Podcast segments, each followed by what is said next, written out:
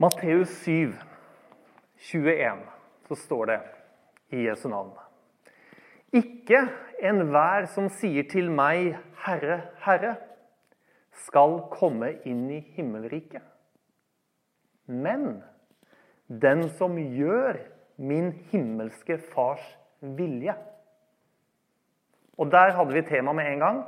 Min himmelske Fars vilje. Jeg tar det en gang til, for det, dette her er liksom nøkkelverset. Matteus 7, 21. Ikke enhver som sier til meg, Herre, Herre, skal komme inn i himmelriket, men den som gjør min himmelske Fars vilje.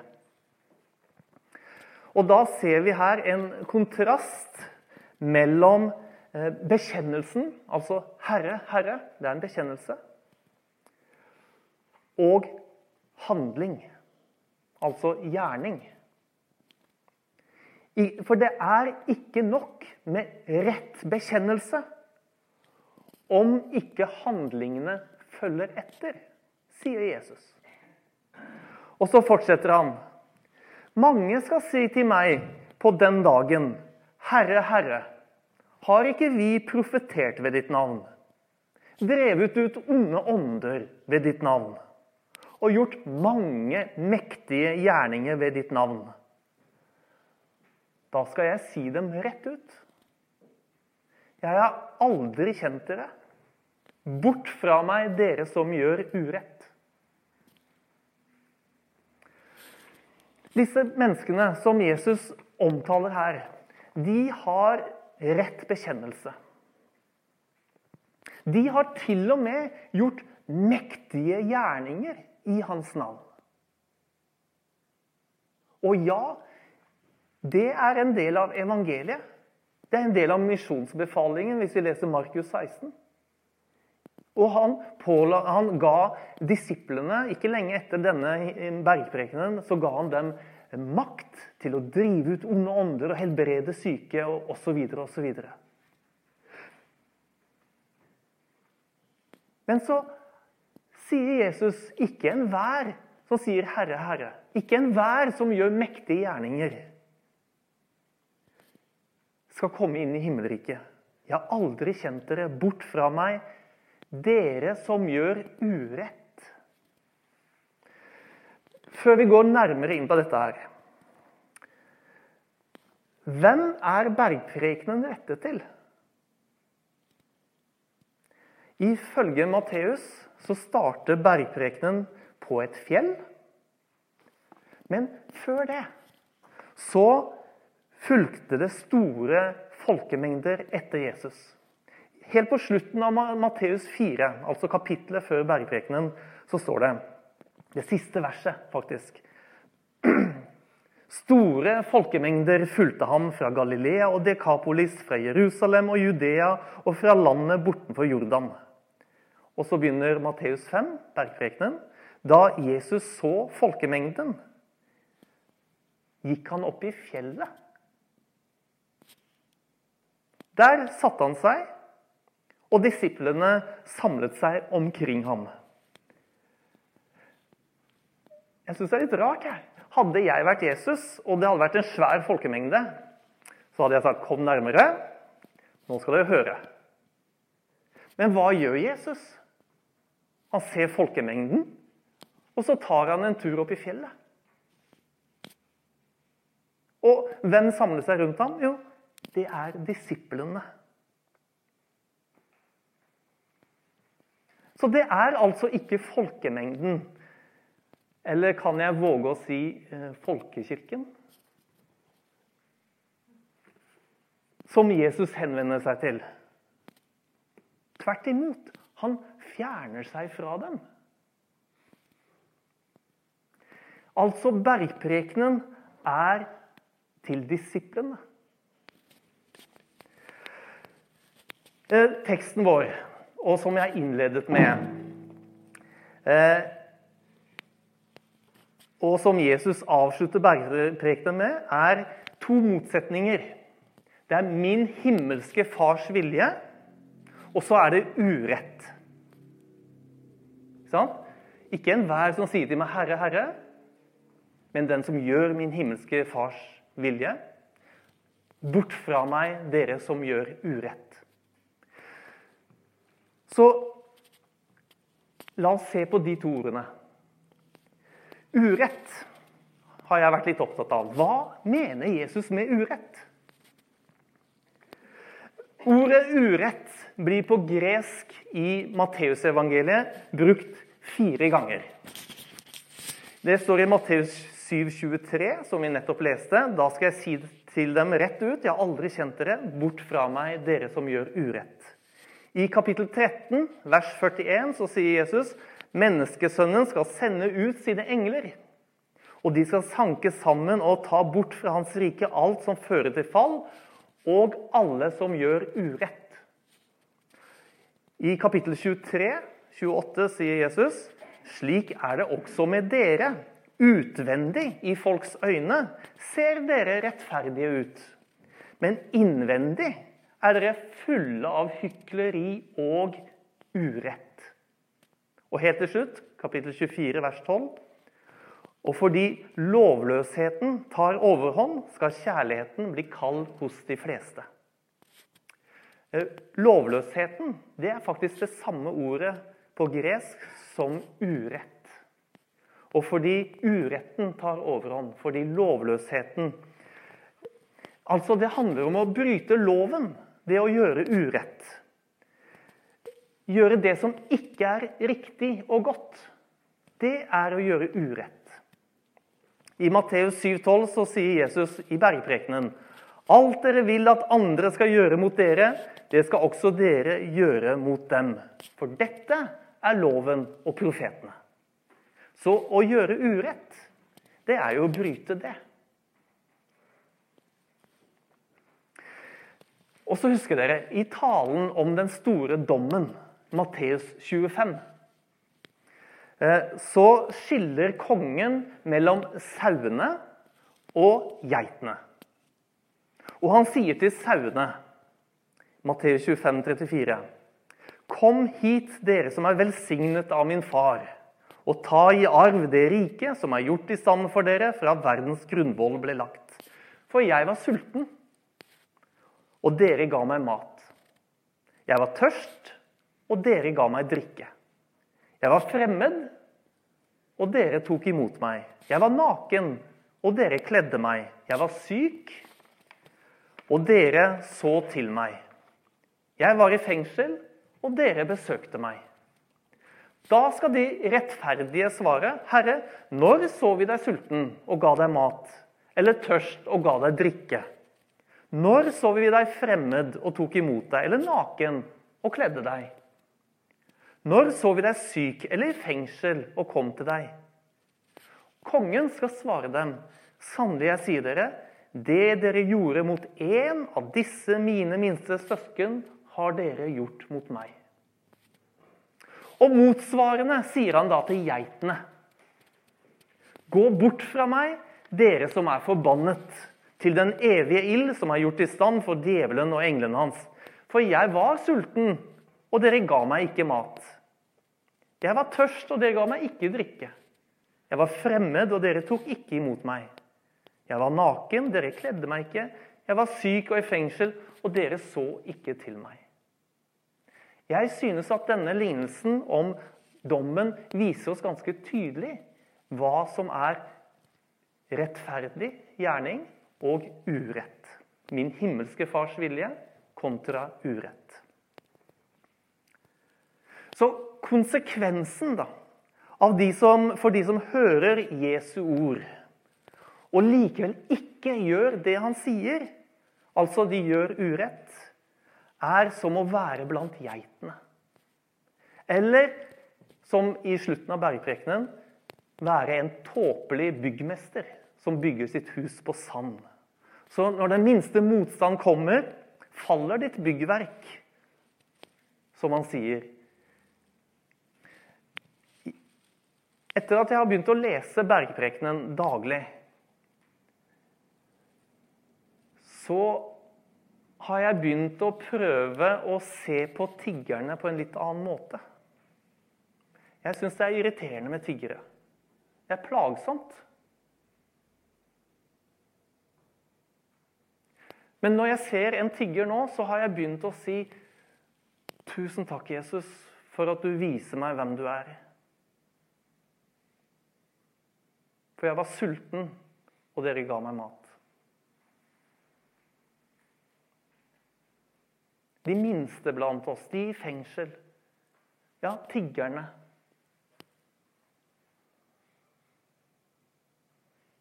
Det dere gjorde mot en av disse minste, gjorde dere mot meg. Så en liten oppfordring når dere møter dem. Ikke, ikke bli irritert, men send en takk til Jesus om at du nå fikk se et glimt av ham. De er en forkynnelse av Jesus. Og på den måten skal vi også behandle dem.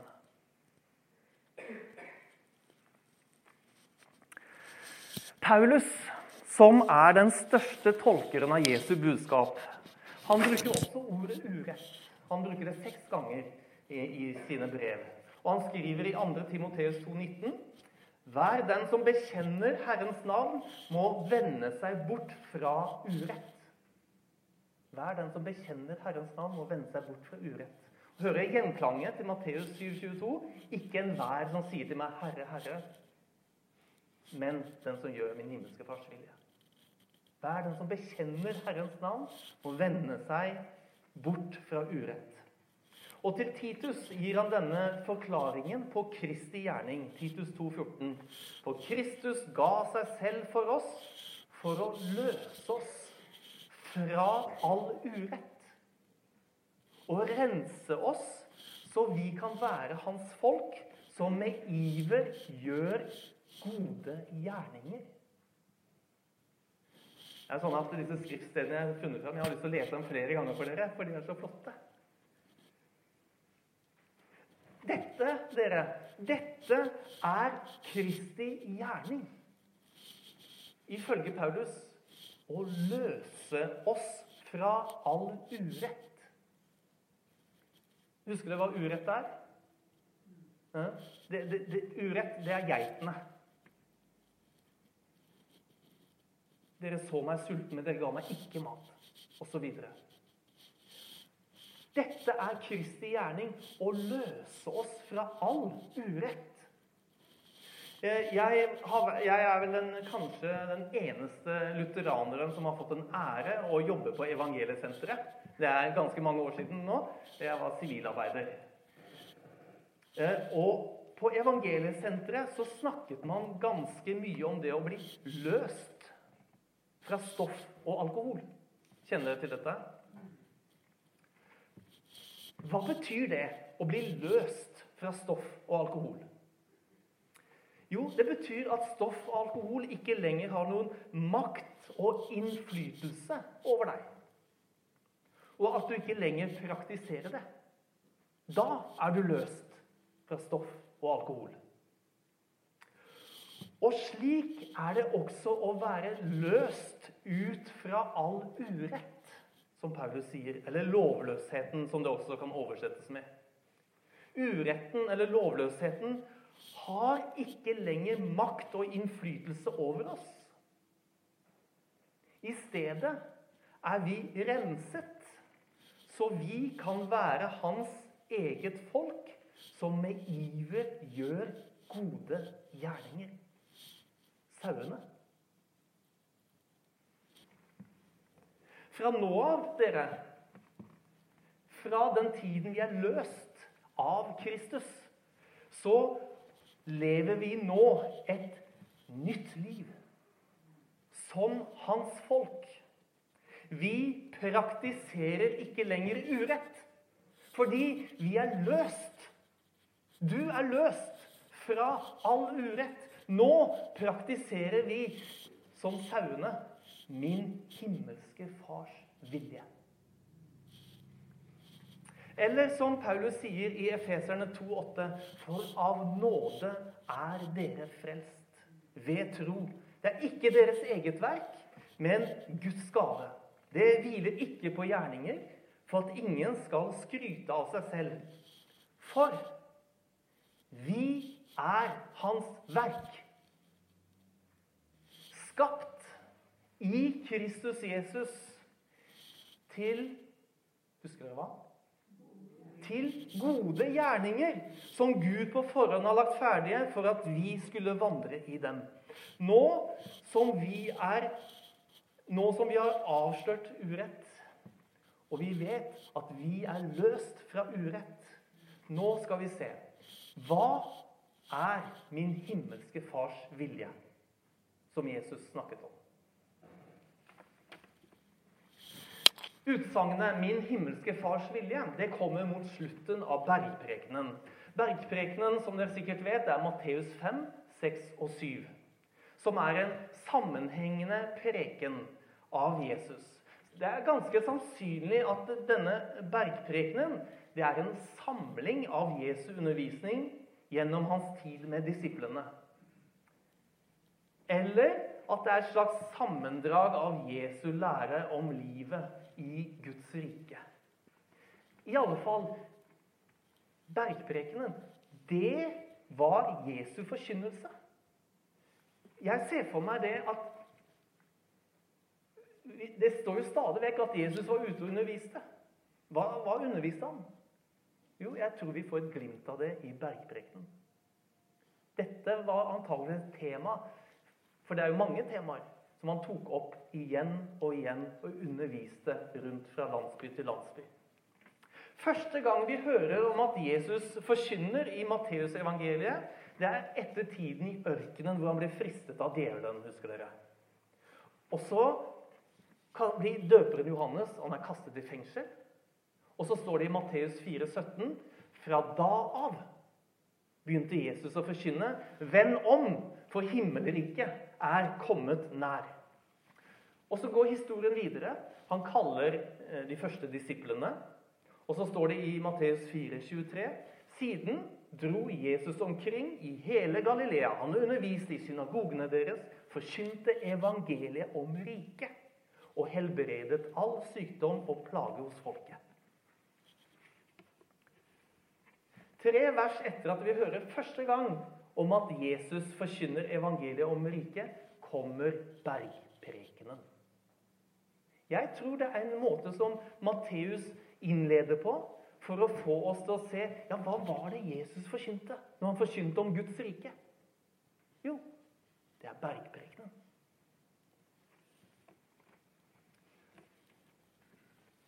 Og helt på slutten av bergprekenen så sier han min himmelske fars vilje. Bergprekenen er min himmelske fars vilje.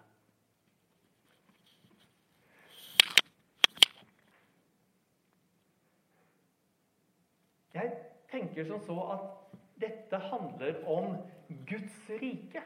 For han gikk jo rundt og forkynte evangeliet om Guds rike. ikke sant? Dette handler om Guds rike kontra andre riker. Det er en forskjell på Guds rike og Romerriket. Det er en forskjell på Kina, hvordan de kler seg, hvordan de ser ut, hva slags skikker de har, kontra Norge. Det er en forskjell på jeg, Som barn var jeg på Madagaskar. Det er en forskjell på hvordan de oppfører seg, hva slags skikker de har, hva slags normer de har, kontra da jeg var misjonær i Etiopia. De så annerledes ut, oppførte seg annerledes, spiste annerledes mat. Eller da jeg var på ferie i Amerika.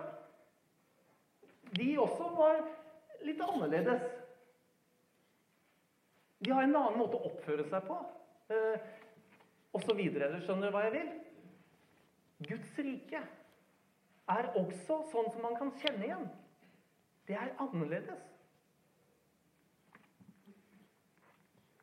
Så Guds rikes innbyggere de skiller seg ut med måten å tenke på og leve på. Så jeg, som jeg sa, jeg skal ikke gjennomgå hele bergprekenen, for det ville være respektløst å gjøre det på en kort bibeltime. Men la oss få en liten oversikt over hva det handler om. Bergprekenen er en utlegning om riket, og det er en beskrivelse av dets barn. Eller innbyggere, om du vil. Og bergprekenen, husker dere den første det begynner med? Og han åpnet sin munn og sa Salige. Salige er de fattige i ånden. Salige er Og så videre. Salig, det er å være dypt lykkelig. Å være sterkt velsignet. Både nåtidig og i fremtidsperspektiv.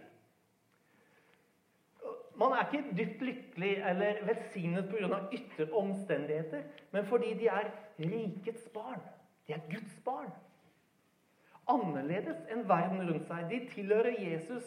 De er hans verk, skapt i Kristus Jesus til gode gjerninger som Gud på forhånd har lagt ferdige for at de skulle vandre i dem. Så dere, hvordan ser disse som er skapt i Kristus Jesus, ut? Disse som er født inn i Guds rike. Hvordan er de? Ifølge saligprisningen så er de fattige i ånden. Det er mennesker som sørger, er ydmyke. De hungrer og tørster etter rettferdigheten. De er barmhjertige rene av hjerte. De skaper fred. De blir forfulgt for rettferdighets skyld og for Jesus skyld. De er også salt og lys i verden. Rikets barn, dere, er merkbare. De synes. De er annerledes enn verden rundt seg. Efeserbrevet 5,8 så sier Paulus en gang var dere selv mørke, men nå, i Herren, er dere lys. Lev da som lysets barn. Og dette her, kjære venner, dette er ikke noe vi kan få til selv. Nå skal jeg prøve å være ydmyk nå. Nå er jeg skikkelig ydmyk. Du greier ikke å ta deg sammen og oppfylle saligprisningen. Rett og slett fordi det er noe du må bli eh, Du må, du må bli født til det. Du må bli født inn i det.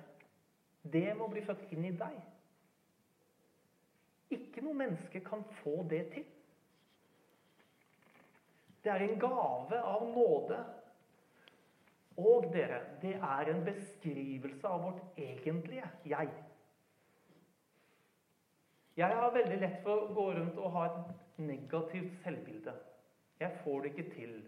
Jeg har prøvd og prøvd, men det går så gærent. Og jeg sa det, og jeg gjorde det. Og så kan, og så kan jeg tillate meg selv at det blir mitt selvbilde. Sånn er jeg. Men dere nei. Sånn er ikke jeg. Ja, jeg gjør sånn mange ganger, men jeg er ikke sånn. Hvordan er jeg? Hvordan er du? Les saligprisningen. Der får du se ditt egentlige jeg. Du er fattig i ånden, er du. Du sørger. Du skaper fred. Og så videre. Den personen er du. Sånn er du egentlig. Og dette bergprekenen, det er som et speil som du kan speile deg i og bli forvandlet til. Skjønner du? Jeg, som jeg sa, jeg har lett for å speile meg i mine egne mislykkede gjerninger og følelser. Og når jeg speiler meg i det, så tillater jeg meg selv å bli sånn. Og at det er min identitet. Men hvis jeg speiler meg i sterkprekenen, i saligprisningen, så vil jeg ved det la det prege meg, sånn at ja, det er sant. Og så blir det en naturlig del av meg. Skal jeg fortelle helt sånn enkelt hvordan jeg gjør det i praksis? Og jeg sier ikke at jeg har kommet langt i dette. Jeg bare Jeg tror jeg har funnet noe. Fordi Guds ord sier at det ordet sier, det skaper det. I Gamle testamentet som regnet faller ned. ikke sant? Det skaper hva det sier. Det vender ikke tomt tilbake, Guds ord. Så det sier Det skaper hva det sier. Så derfor så bestemte jeg meg i november Ble nå i vinter, så, så har det begynt å gå noen måneder, at jeg, hver dag så skal jeg lese bergprekenen. Og det er ikke noen stor, eh, det er ikke noen storveis greier, altså. Det er tre kapitler, og det tar ti minutter. Så det er noe, det er ikke noe voldsomme greier. Men jeg, når jeg slår opp Jeg gjør det gjerne når jeg, jeg, gjør det gjerne når jeg legger meg. Det er da jeg får liksom, tid til det. Så jeg legger meg i sengen min, finner fram Nytestamentet, blar opp i Matteus 5, og så ber jeg en kort bønn. Herre, la dette ordet prege meg. Og så leser jeg bergprekenen. Bare rett gjennom. Og så gjør jeg det hver dag. I tro på at ordet skaper hva det sier. Og om du ikke får med deg så mye av liksom alle disse greiene som jeg kom med nå, så håper jeg at dette kan være med å gi deg en liten sånn en, en lyst til å tørre å våge å la bergprekenen bli en del av ditt naturlige liv.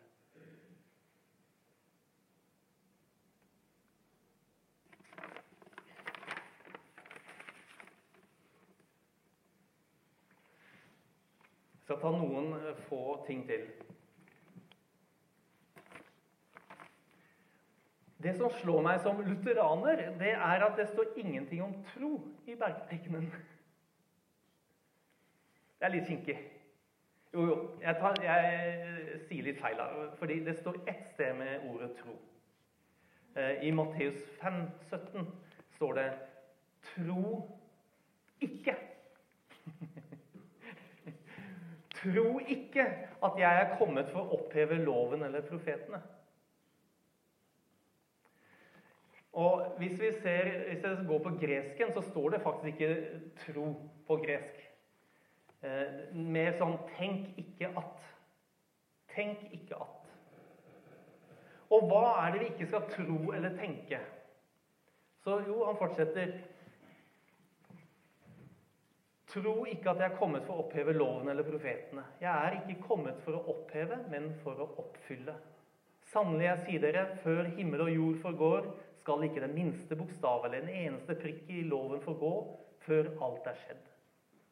Den som opphever et eneste av disse minste budene og lærer menneskene å gjøre dette, skal regnes som den minste i himmelriket. Men den som holder dem og lærer andre å gjøre det samme, skal regnes som stor i himmelriket. Ja, jeg sier dere, dersom ikke deres rettferdighet langt overgår de skriftlærdes og fariseernes, kommer dere aldri inn i himmelriket. Så det er altså lovens oppfyllelse, ikke opphevelse, Jesus er kommet for. Og han understreker at ingen skal oppheve noe som helst av, hans, av budene. Men tvert om holde dem og lære andre å gjøre det samme. Kan vi kjenne det igjen fra noe annet av Jesu undervisning? Ja. Det siste kapitlet i Matteusevangeliet hvor misjonsbefalingen står. Hvor Jesus sier, 'Jeg har fått all makt i himmelen og på jorden.' 'Gå derfor og gjør alle folkeslag til disipler.' 'Døp dem til Faderen og Sønnens og Den hellige ånds navn.' Og lær dem å holde alt jeg har befalt dere. Og se, jeg er med dere alle dager det er ganske interessant. Lær dem å holde alt det jeg har befalt. Selv ikke, selv ikke i misjonsbefalingen står det noe om tro. Det står 'lær dem å holde alt det jeg har befalt dere'. Så hva er det Jesus har befalt, da?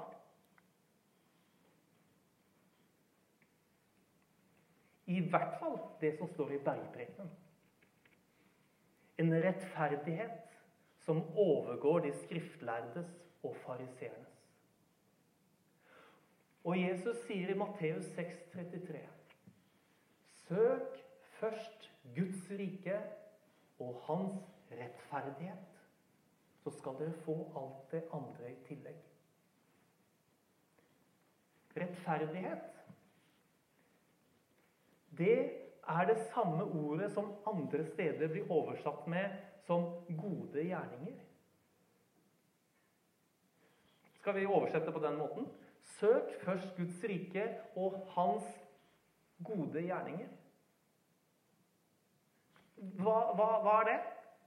Jo, i hvert fall det som står i bergprekenen.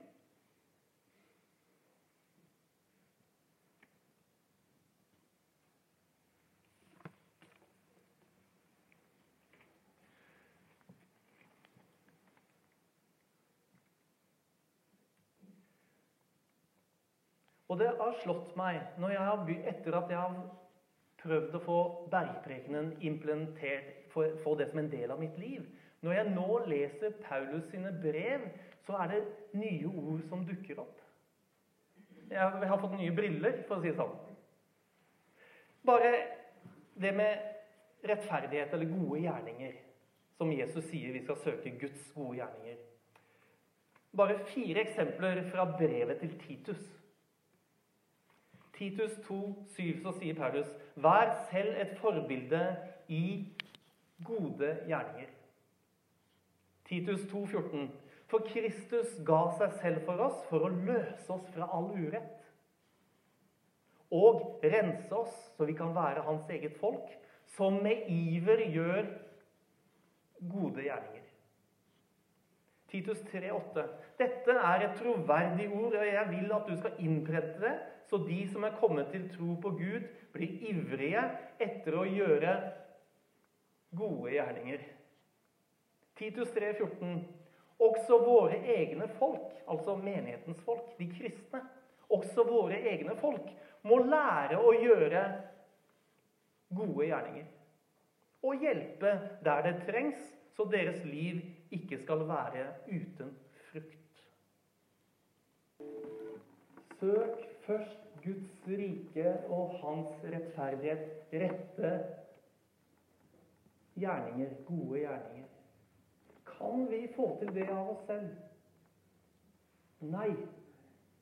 Men vi kan bli født inn i det, sånn at vi blir løst fra all urett.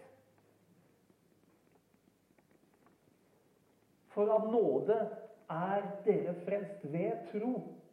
Det er ikke deres eget verk. Det er Guds gave. Det er ikke av gjerninger for at ikke noen skal skryte av seg selv. For vi er Hans verk, skapt i Kristus Jesus, til gode gjerninger som Gud på forhånd har lagt ferdige for at vi skal vandre dem. Himmelske Far, ditt ord utfordrer oss veldig. Og jeg ser, og vi ser, at vi strekker ikke til. Og Herre, derfor så sørger vi. Vi skulle så gjerne strukket til. Herre, vi er ingenting i oss selv. Og nettopp, Herre, med den med den kunnskapen og den, det å kjenne seg igjen på den måten, så sier du at nettopp derfor så er vi salige. Nettopp derfor er vi frelst. For vi kommer til deg, Jesus, ikke av våre egne gjerninger. Takk, Herre, for at du har frelst oss av nåde. Født oss på ny og satt oss i frihet fra all urett. Må du, Hellige Ånd, komme og istandsette oss til Guds rettferdighet. Herre, oppmuntrer du hver eneste en. Levendegjør du ditt ord i våre hjerter. Det ber vi om, vår Gud og Far. Amen.